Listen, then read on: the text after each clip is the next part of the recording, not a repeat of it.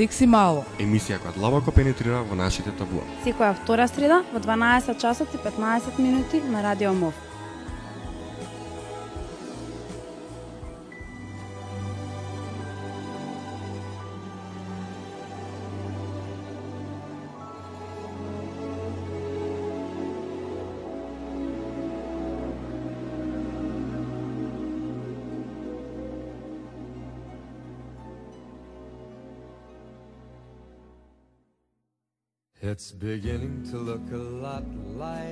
Здраво, а, се надам дека овие добро познати гласови а, ќе ги препознаете во староновата година.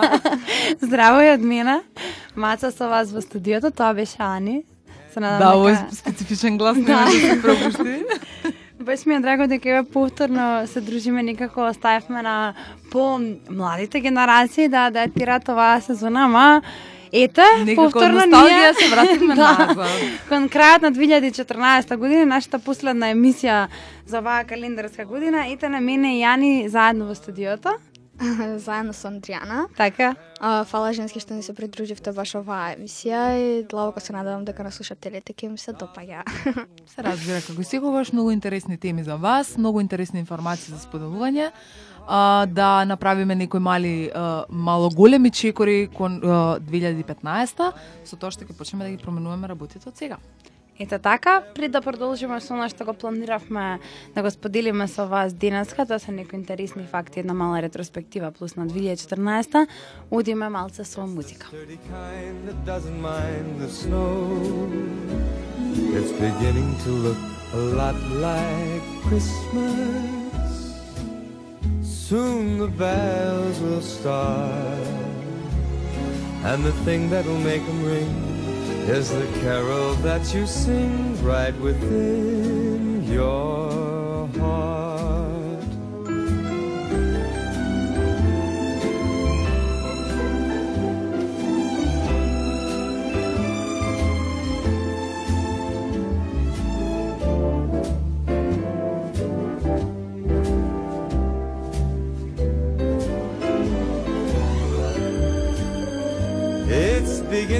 look a lot like Christmas. Toys in every store. But the prettiest sight to see is the holly that will be on your own front door. Sure, it's Christmas once a more.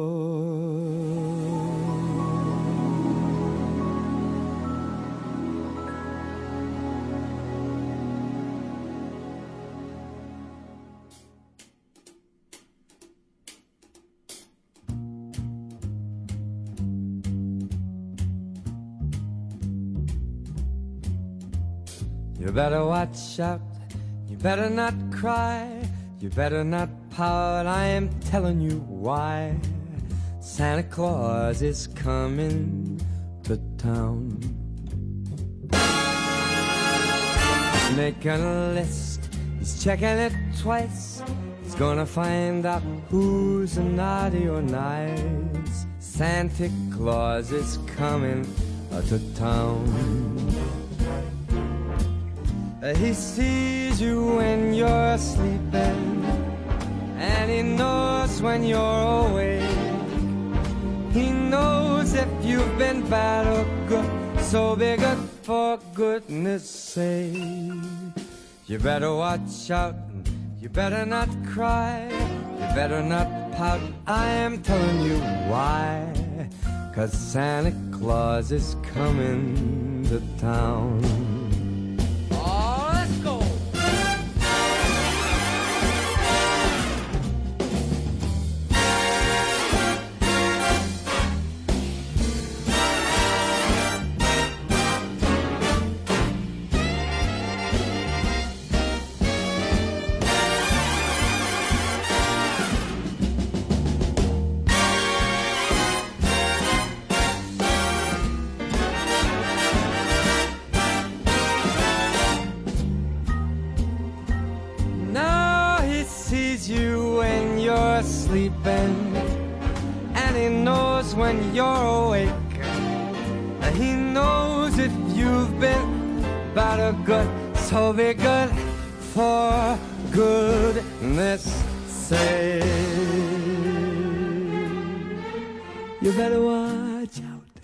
Better not cry. You better not pout. I'm telling you why. Santa Claus is coming to town. You better watch out. You better not cry. You better not pout. I'm telling you why. Santa Claus is coming. I'm in the big fat man with the long white beard. He's coming to town.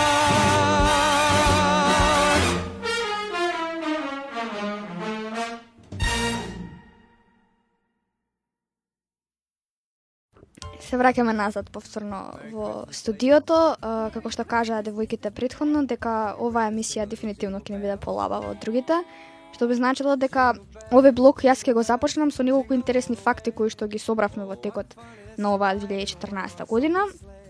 Еден од нив е дека смртта на новороденчињата ќе се намали дури за 74% од милиони 600 на 400.000 ако целосно се обезбеди модерна контрацепција во комбинација со соодветна грижа за сите бремени жени и новороденчиња.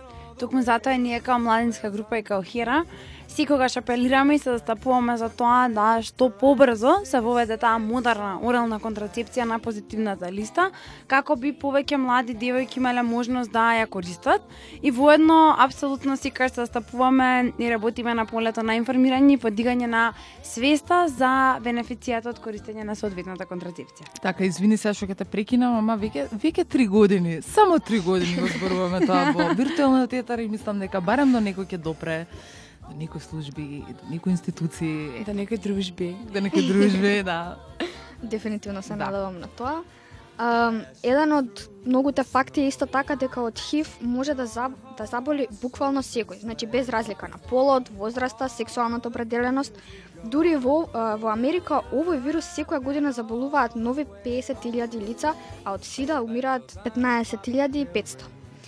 А, друг интересен факт на вистина е тоа дека не може да заболите ниту да пренесете ХИВ вирусот, доколку нели прегрнете некого, доколку користите една иста крпа или чаша, но сепак може значи да пренесете ХИВ преку незаштитен полов однос, користење игли или тетовирање со нестерилизирани игли. Така или оној стандардизираниот трет начин, нели стандардно што ја кажуваме кои се начините на кои што може да се принесе оваа инфекција е од вертикалниот пат, односно од мајка на дете. Во тикот на 2014 година и така како нашата младинска група даде акцент на подигнување на свесноста за ХИВ и за останатите сексуално преносливи инфекции преку најразлични активности кои што верувам дека кулминира околу 1 декември, светскиот ден во борба против е, ХИВ-СИДА, каде што имавме и трибини, заедно со заедно посилни нели организацијата која што се грижи директно за луѓето кои што живеат со ХИВ кај нас. Имавме исто така спроведување на настани, се со цел подигна, подигнување на свеста и се, се со цел би можела да кажам да малку се тргнемо до на идеја дека ХИВ не е тука, не, ХИВ тука е, и кај нас во Македонија го има, поинтата само што многу малку луѓе се тестираат, И дека другата линија која што се уште владе во нашето општество, односно дека е некоја многу страшна работа, не, не е страшна работа, значи ХИВ не засега сите нас. Дури и некој, ако е човек кој што живее со ХИВ, со новата модерна терапија, може да си има долгогодишен, квалитетен, здрав живот, живот кој што подразбира и планирање на семејство и родителство понатаму. Така, имаше и во баш во тој период околу 1 декември. Мислам дека и сега одат рекламите баш направени во во врска со со тоа доста модерни да кажам реклами, доста онака прифатливи во однос на тоа што го видов. Затоа што ми се допаѓаше стварно представувањето на самиот вирус дека не е нешто, не знам, крај на светот нели дека нели принцип се сумарам дека значи ми се свиѓаше како и да. А, ни, мислам ви објаснија девојките стварно накратко за што работевме кога станува а, збор за ХИВ оваа 2014 година, но исто така би сакала да се осврнам и на тоа што уницев го го изгласи дека во Македонија дури ше- 69% од децата се подложни на физичко и психолошко казнување. Така. А, А, иначе да, влеговме да. ја и Јани в костацу што велеа беше тука кај ќе ни беше крајот. Снимање два дена. Да, да, да. Значи, јас сум а, малце изфрустрирана од онаа ситуација која што не се случува во последно време а, во однос на, на физичко и психолошко малтретирање и она кој што кажа Уницев казнување. А, бидејќи а, се повеќе и повеќе жени излегуваат на виделина кои што се малтретирање на независно дали е психолошко или физичко и а, се случуваат многу големи трагедии, трагедии во општествени размери што не смее да се случи на волку мала држава. За тоа би сакала да се надоврза Мани, дека Така. Уницев исто така веле дека секоја десета девојка во светот е жртва на, на сексуално насилство.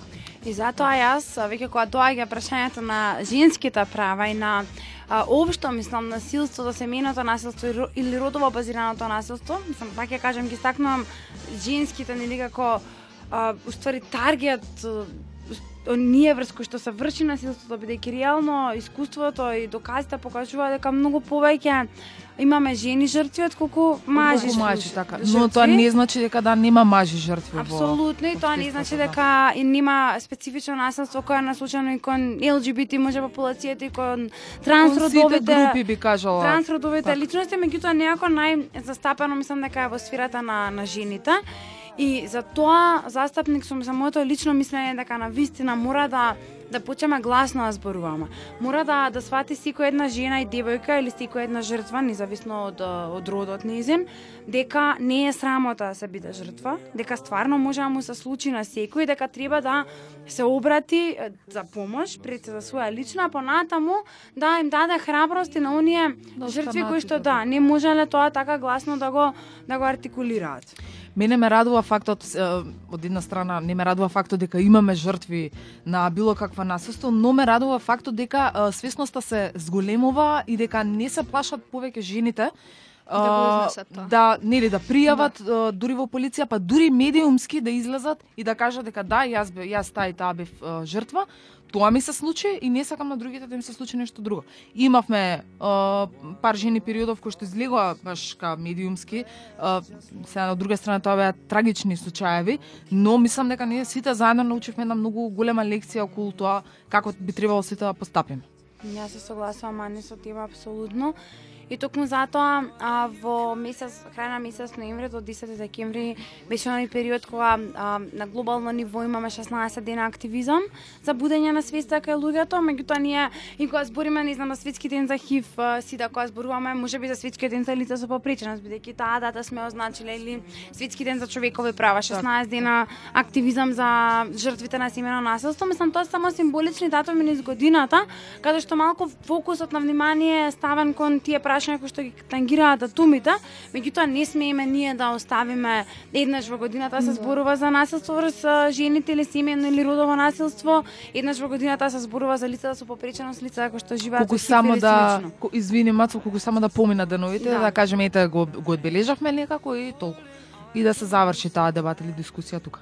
Ние мора постојано да вложуваме напори, значи се надам дека и нашата емисија има удел во Удел некаков да. во да, тие да. напори, импут баш, а, исто така се надам дека нашиот вагинолог Марија има големо влијание врз младите преку социјалните медиуми, дека секој еден пред се девојките, бидејќи тоа е вагинолог за за девојчиња, ќе може да да се обратат кај неа и да прашаат ако нешто не се чувствуваат доволно слободно да прашаат на, на друг начин. Гледам само да кажам два збора, гледам дека доста голема популарност разви Марија во последно време и дека многу ме радува тоа дека поише повеќе жени никако се обраќаат и читаат и се информираат баш она што Марија има да го сподели. А тоа не сум не јас. сум ја да, да кажам, Значи, тоа не е Марија Значи Матовска. викенд викендов баш ме пристапи на девојче ми вика многу супер, значи Да. работа правиш на Facebook, супер ти ја профила, дека ама не е мојот. Тоа е на младинската група на Хера. Не е Марија, Не е Марија, личноста. Марија е една, цел тима позади Марија вегинологот. Имаме гинеколози. Да, значи луѓе, не е Марија вегинолог, исто што и Марија Матовска. Тука би сакала да да додадам дека мене особено ме радува што оваа година девојките што се посебно на моја возраст а, дознаа многу преку преку постовите што ги имаше што ги имаше Марија. А, длабоко се надавам дека на вистина наредната година таа свесност дури ќе ќе ќе достигне некоја неверојатна голема бројка.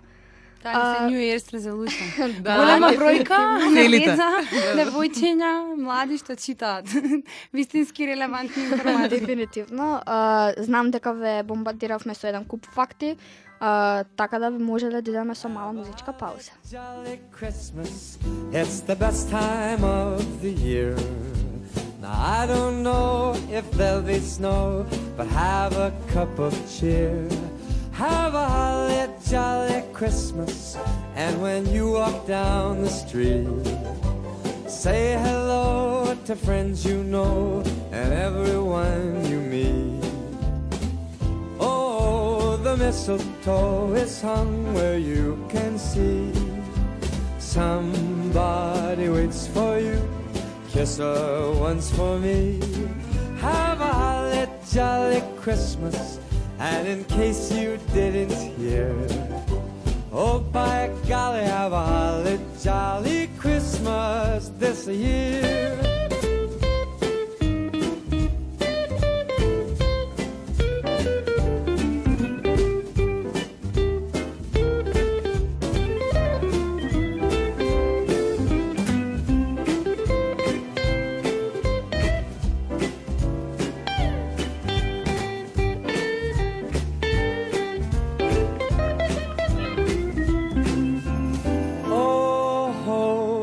Mistletoe is hung where you can see. Somebody waits for you. Kiss her once for me. Have a holly jolly Christmas. And in case you didn't hear, oh, by golly, have a holly jolly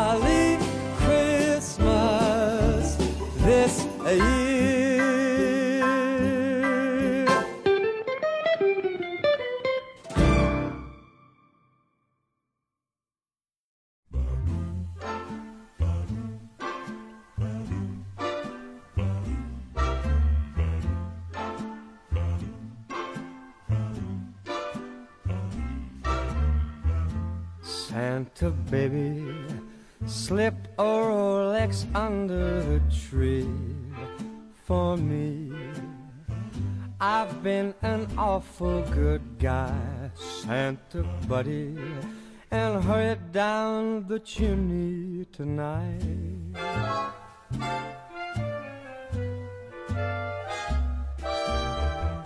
Santa buddy, a 65 convertible to steel blue. I'll wait up for you, dude, Santa buddy, and hurry down the chimney tonight.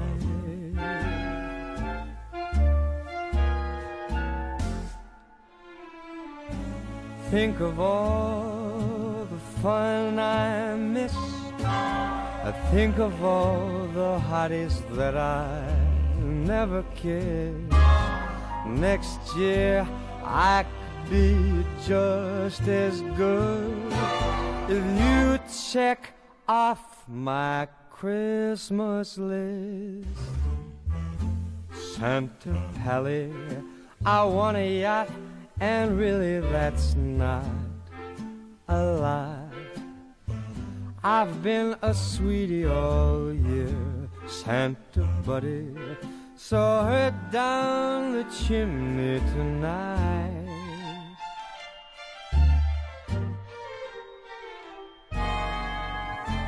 Santa buddy, one thing that I really do need the deed to a platinum mine, Santa Pally.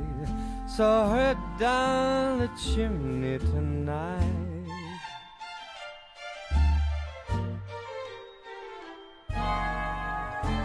Santa buddy, fill my stocking with Canucks ticks for kicks. Throw me on the first line, Santa baby. Saw her down the chimney tonight.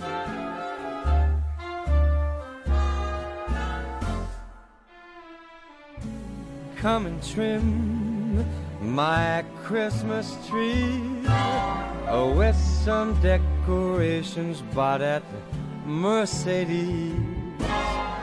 I really do believe in you. Now let's see if you believe in me. Santa Poppy forgot to mention one little thing. Cha-ching. No, I don't mean as alone, Santa Buddy.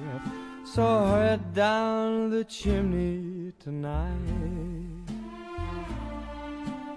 Her down the chimney tonight.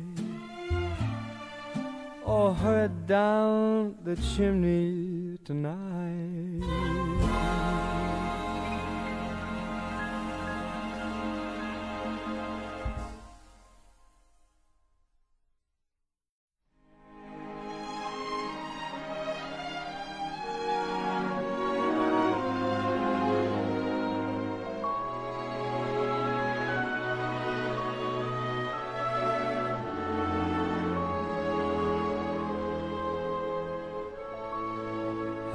Yourself a merry little Christmas.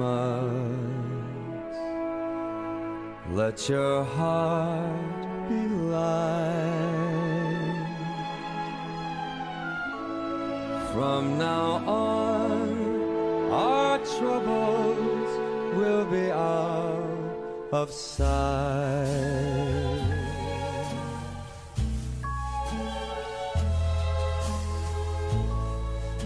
Have yourself a merry little Christmas. Make the Yuletide gay. From now on, our troubles will be miles away.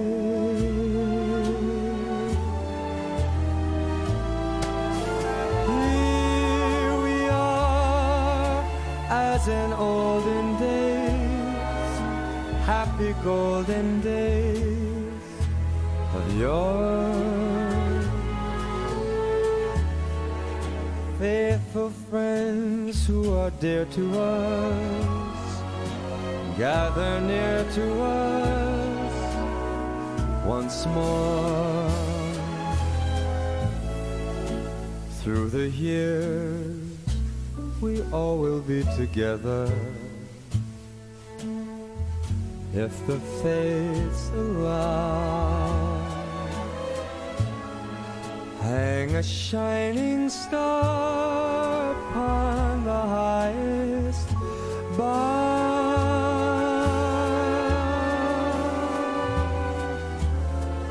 and have yourself Christmas now.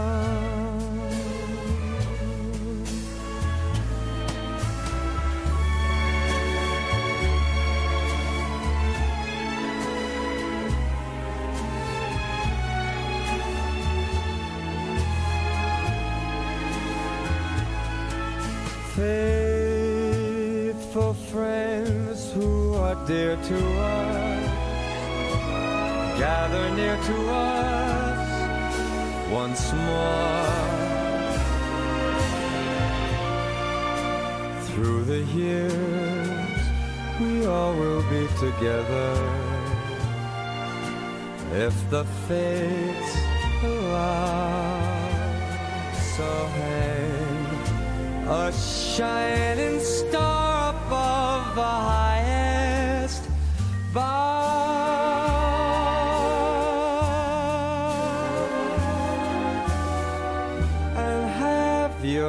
myself.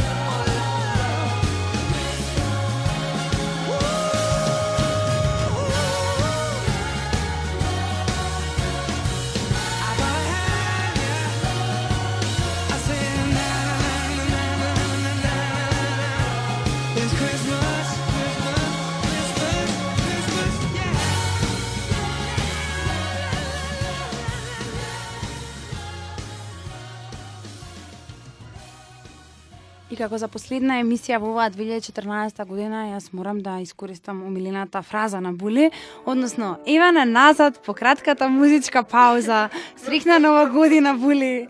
Идеме со посериозна тема. Марш по надвор да не ме гледам више. по кратката музичка пауза.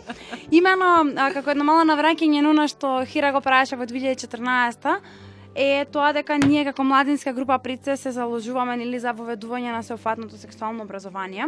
Па токму затоа не само младинската група, туку целиот тим во Хира кој што работи нова прашања, прашање спроведоа едно истражување предходната школска година, значи резултатите беа обработени негде кон пролетот 2014, а се однесуваше на тоа колку младите луѓе пред се на територија на Скопје имаат пристап до информациите за сексуалното и репродуктивно здравје. Значи, тука беше земен репрезентативен намерен примерок при ова истражување и се добија многу интересни факти од страна на наставниците и од страна на, на самите ученици и ученички. Така, новото истражување од Хера е, кажува дека анализата понудена во рамките на истражувањето покажува дека кај 55% од учениците испитаници превладува мислењето дека во своето образование обработувале теми теми од СРЗ, значи сексуално репродуктивно здравје, додека според 34% од нив овие содржини до, до сега не се обработувани. Значи, кога зборуваме за бројки и резултати од ова истражување, мора да нагласиме дека ова е сепак една индивидуална перцепција на учениците и ученичките, односно, која тебе да си усредно да праша дали никогаш си работел нешто на часовите по биологија или на часовите образование по животни вештини за сексуално и репродуктивно здравје, ти дури да некогаш ти спомнале само нешто ситно за ХИВ, ќе кажеш, да, имам работено. Нешто Така да- тема, да, да, тоа е тоа. Тоа да, не е, не значи дека апсолутно тука кога ќе спомнеме обработување теми од областа на сексуалното и репродуктивно здравје, дека обработуваат они онаков а, сеофатен пристап имаат кон кон оваа тематика кој што ние би сакале да да имаме. А, Тоа ме радува а, како младинска група на Хера што А, јас бев, мислам, едукатор на доста многу едукации што ги имавме по средните училишта и бев просто изненадена што кога нема професор во, во истата просторија, стварно се дечките и девојките поопуштени и на вистина и доста прашуваат и доста ги интересира. А, додека за разлика кога бил некој професор во истата училна каде што си имала едукацијата, постегнати се на некако, така да јас на висина во 2015 би сакала да видам промена од таа страна што учениците ќе можат слободно да и да ги прашаат професорите за се било што ги интересира од сексуално репродуктивно здравје. Токму затоа и она баш се потврдува преку истражувањето тоа што ти го викаш Андријана, имено и самите ученици викаат дека треба да им обрнуваат професорите повеќе внимание на ваквите теми, да разговараат малце поотворено со нив. Меѓутоа имаме и другата страна на професорите, значи не се секогаш професорите, наставниците, наставничките оние кои што треба да бидат обвинати, туку напротив самите професори велат дајте ни повеќе прирачници. Дајте ни повеќе материјали, дајте ни повеќе обука како ние треба да го да го работиме ова, за да понатаму може полесно доди комуникацијата со своите ученици. Токму затоа ние пред некоја време имавме пресконференција каде што ги и презентација на самото истражување каде што ги покажувавме резултатите кои што се добиени И тогаш и сега еве повторно апелираме да слободно и наставниците и младите луѓе се обраќаат на веб страната на Хера, hera.org.mk и да ги преземаат сите потребни материјали. Таму дури има и еден прирачник кој што е правен по методологијата на кој што е работен предметот образование за животни вештини, предмет за кој што веќе наставниците имаат поминато определени обуки во однос на неговата имплементација. И токму затоа веројатно ваквиот прирачник ќе им биде и по пријателски, можам да кажам, и полесен за употреба, па се надам дека во 2015 се повеќе и повеќе наставнички и наставници ќе ни се јавуваат за стручни совети и едукации. Понатака учениците изјаснуваат, изјавуваат дека со темата прв сексуален однос 6,67% се запознаени сосем малку, а во исто време 50,61% скажуваат потреба од информираност за тоа кога е најдобро да се има прв сексуален однос. Ова така како е важна а, тема, мислам, прво, прво и основно процентите се поразителни, а друго и како е битна темата затоа што се повеќе и повеќе сме очевидци и а, слушаме информации дека имаме малолетнички бременности, абортуси, значи се она што си го влече целата таа тежина што си ја влече понатака. Така да и како е многу битно да ги знаеме информациите и како понатака да действуваме. Нешта. Понатаму како општ заклучок се наметнува соз- а, сознанието дека учениците од албанската припадност во помал процент ги обработуваат темите поврзани со СРЗ, за разлика од учениците од македонската припадност. а, темата разликите помеѓу род и пол според изјавите од наставниците од македонската етничка припадност е обработувана со 29,41% во однос на наставниците од албанската припадност, етничка припадност 4%, употреба на кондом 15,29%. Македонците. Македонците, да се извинам, 8% албанците. Така, значи имаме евидентна разлика помеѓу тоа како се придава во а, средината каде што јазикот кој што се користи во наставата е албански, а како се придава во средина каде што јазикот кој што се користи е македонски и а, тука само укажува на тоа колку имаме нееднаков пристап а, кон кон информациите од сексуално и репродуктивно здравје.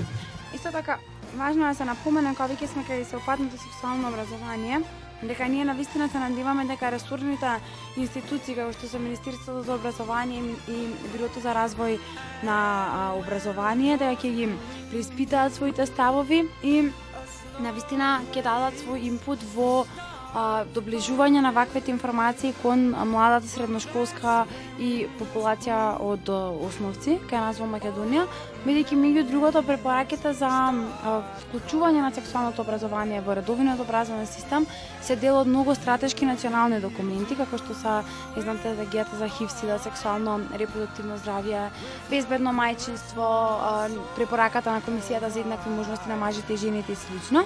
Значи тоа се сепак препораки на ниво на држава кои што на вистина се надеваме дека во 2015 ќе бидат инкорпорирани во образовниот систем. Така е, Маце, јас е, ева како трета година во, во средното средното училиште, јас на вистина би сакала во, во наредната 2015 година, иако на некој начин можам да кажам дека ги имам доста сите потребни информации. се извинувам, кои што би ми би ми затребале. Доста е голема популацијата на млади кои што доаѓаат и бидејќи знаат дека сум дел од Хера и доста многу ми се доверуваат и ме прашуваат за за некои од темите на кои што Хера работи. А, додека пак учениците од албанските паралелки а, се уште ја немаат таа та слобода, иако знаат дека нели сум а, во Хера немаат значи таква слобода да дојдат и да ме прашаат. Така да јас на вистина би би сакала во 2015 да видам воведено сексуално образование како и кај нас, така и кај албанските паралелки во сите средни И не училишта. само кај албанските, мислам, тука така е некако поставено истражувањето, меѓутоа би рекла кај сите, мислам, луѓе кои што живеат на територија на Македонија независно од својата етничка припадност, јазикот на кој што говорат, без разлика на својот род и така натаму, значи на вистина сите да имаме еднаков пристап до информации за кои што се пред се многу важни за нашето лично здравје и нашата лична благосостојба. Така е, сусама ве поддржувам. Јас толку ви кажала. Не се шалам. А, после ова исцрпно читање, дебатирање и слично, мислам дека време и малце да се опуштиме со новогодишна музика, Були, што викаш, а? Танц. Kiss me on this cold December night.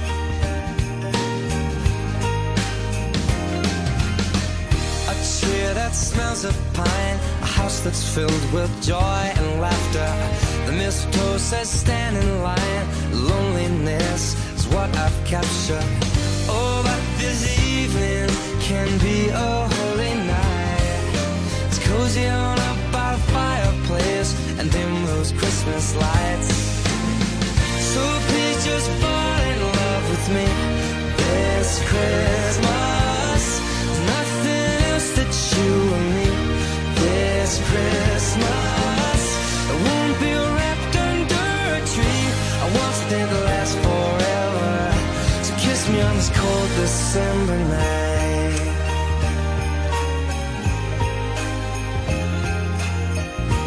Call that the season of giving. I'm here, I'm yours for the taking. Call it the season of giving. I'm here, I'm yours.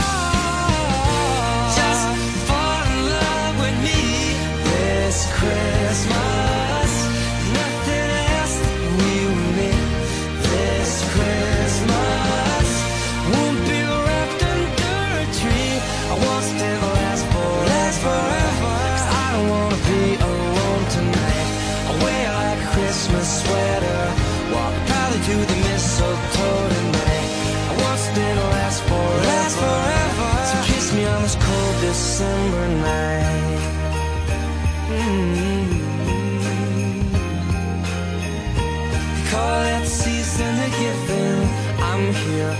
Yours for the taking. You call it the season of giving. I'm here, I'm yours.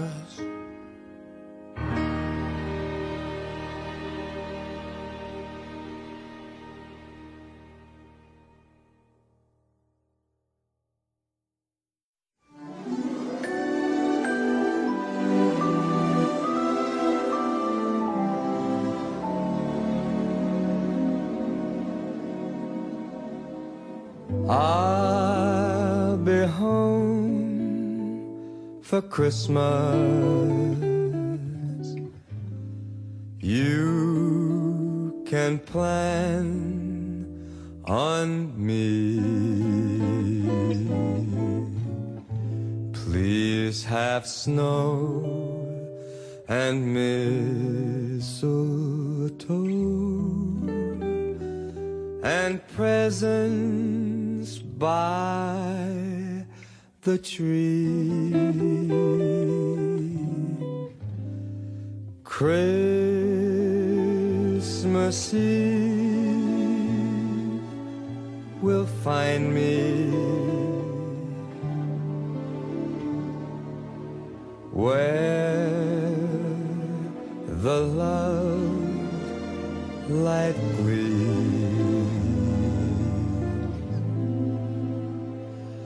I'll be home for Christmas if only.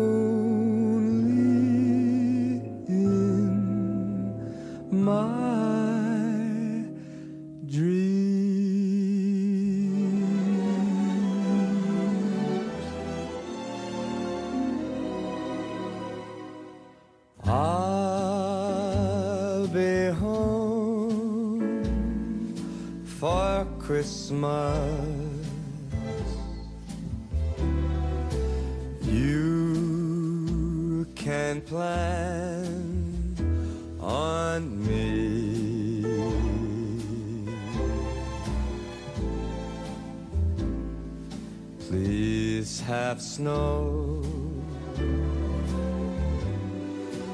and mistletoe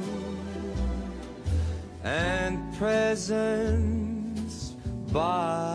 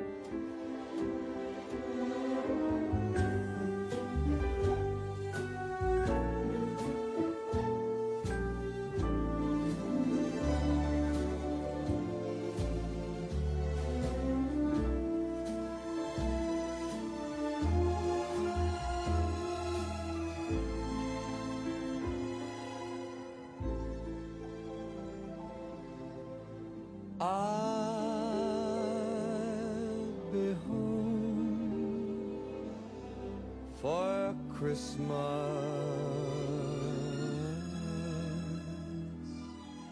If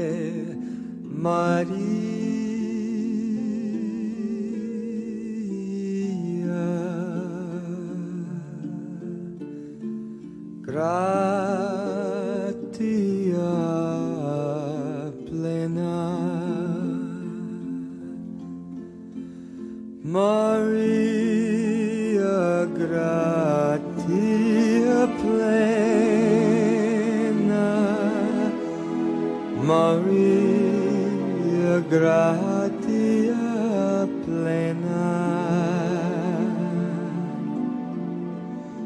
Ave, ave Dominus Dominus tecum. Benedictus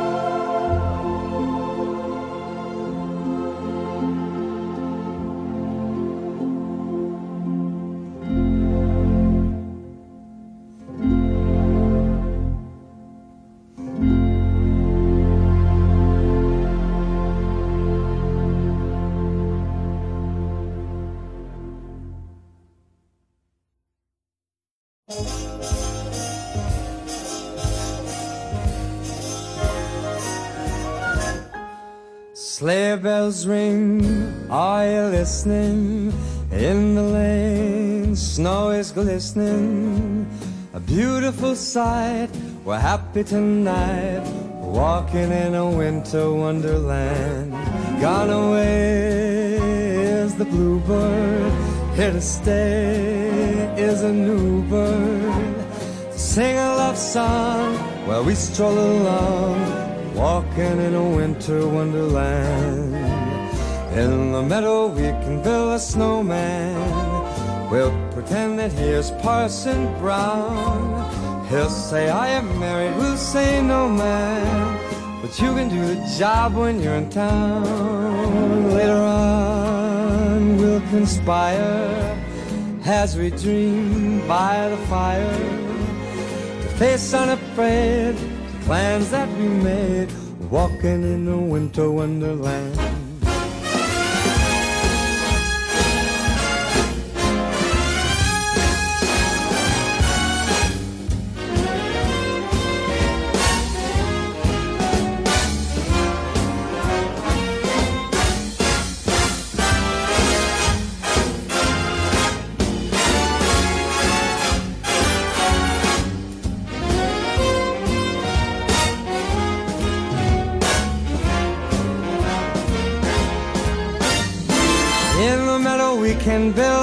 Snowman. We'll pretend that he is Parson Brown. We'll say, I already. We'll say, No, man. But you can do the job when you're in town. Later on, we'll conspire as we dream by the fire. The face unafraid, the plans that we made, walking in a winter wonderland, walking in a winter wonderland, walking in a winter wonderland.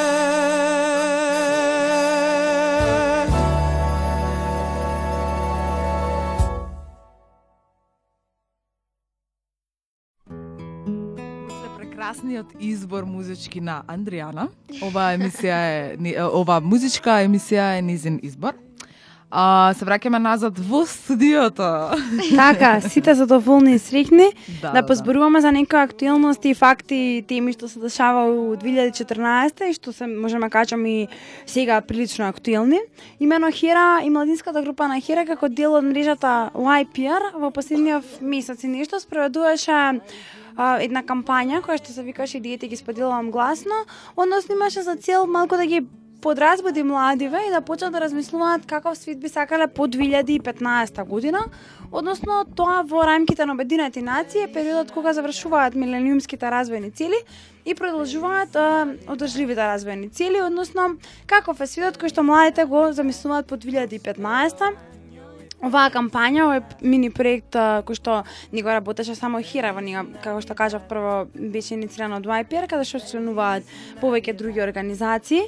А, финишираше со тоа што имавме на младинска конференција, каде што се драфта определени насоки пред се во полето на образованието, во полето на вработување, во полето на здравство, значи оној дел кој што така како е важен за Хера и за младинската група. И не случајно беа овие беа одбрани овие три области. Односно, Обединетите нации на секаде ни светот во изминатиот период спроведуваа анкетен прашалник, прашувајќи ги луѓето, пред се младите луѓе, кои се најважните приоритети за нив после 2015, неако на врвот на овие приоритети испливаа баш овие три области, иако не многу позади нив беа области како што се не знам, добар јавен превоз, недискриминација, еднаква позиција на мажи и жени.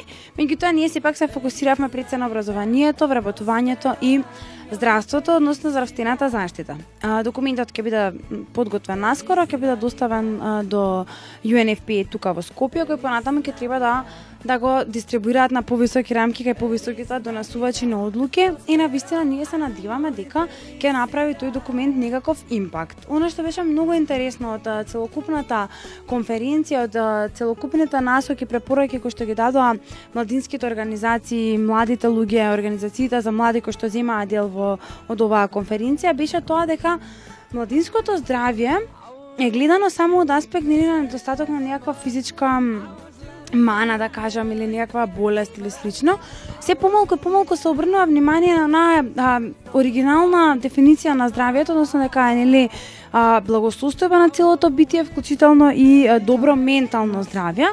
Токму затоа и ние како младинска група во тек на 2014 година дел од нашите напори ги фокусиравме кон а, подобрување на новој сегмент од животот на младите луѓе.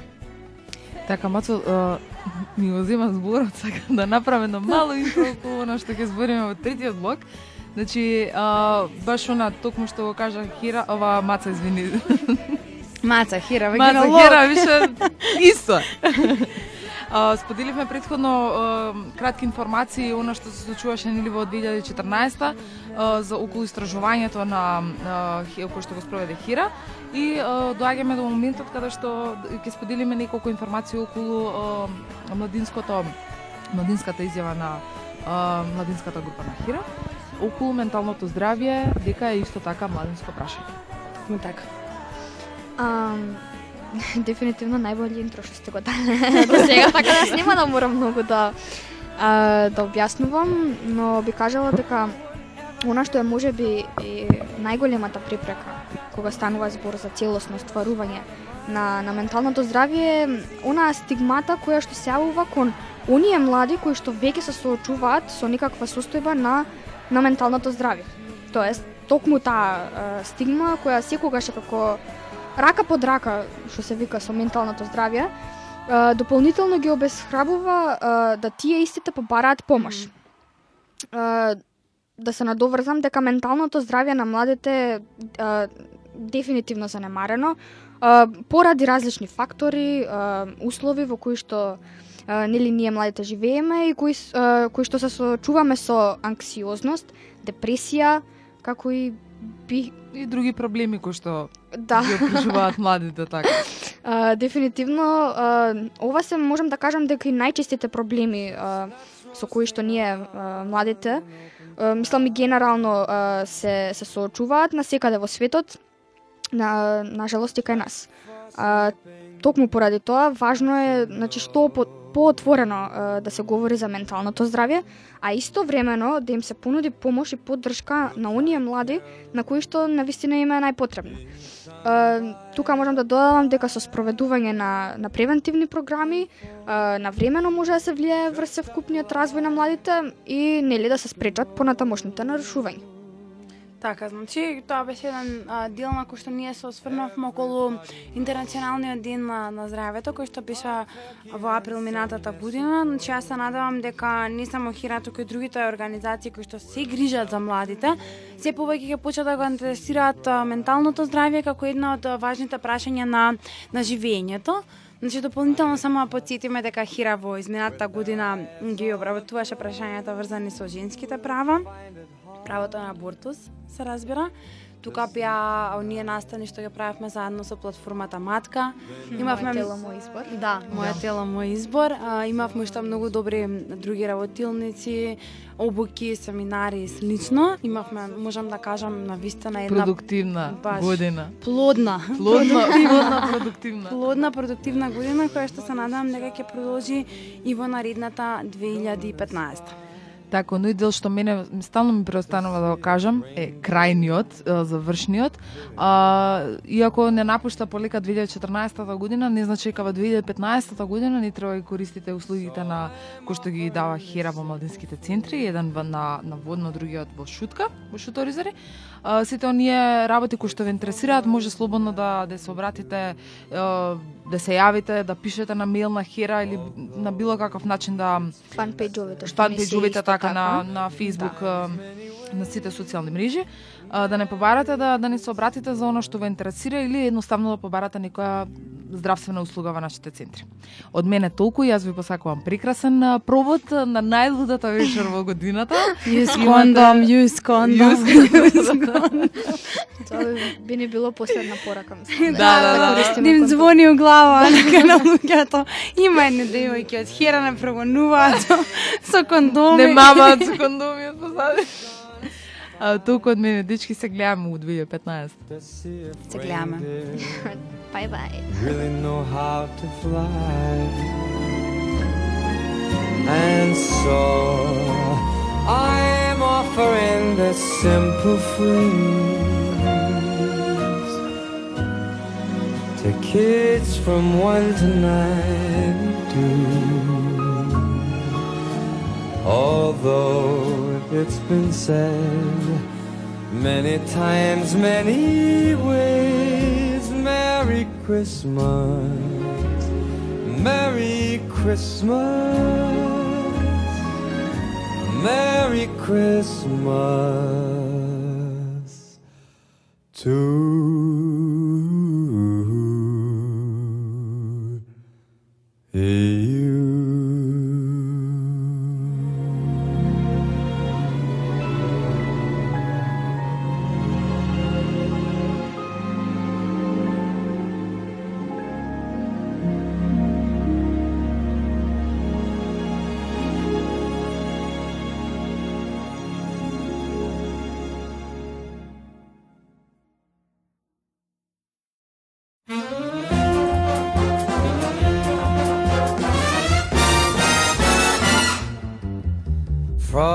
Frosty the snowman was a jolly, happy soul with a corncob pipe and a button nose and two eyes made out of coal. Frosty the snowman is a fairy tale, they say. He was made of snow, but the children know how it came to life one day. There must have been some magic in that old top hat they found. For when they placed it on his head, he began to dance around. Old Frosty the snowman was alive as he could be. And the children say he could laugh and play just the same as you and me.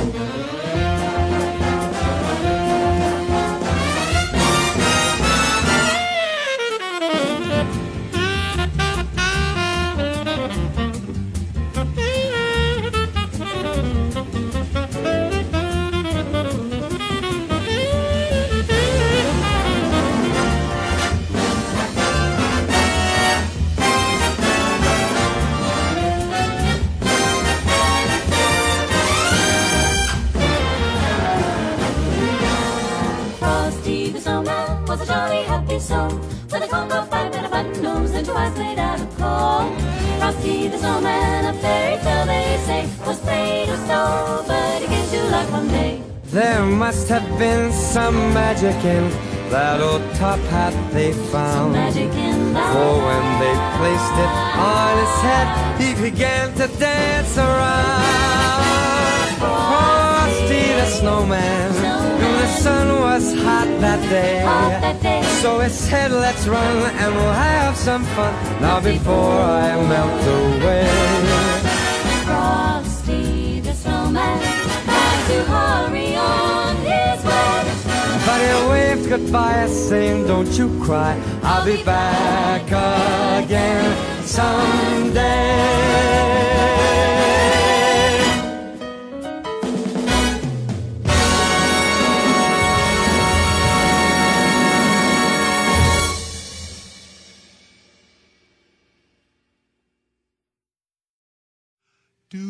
Every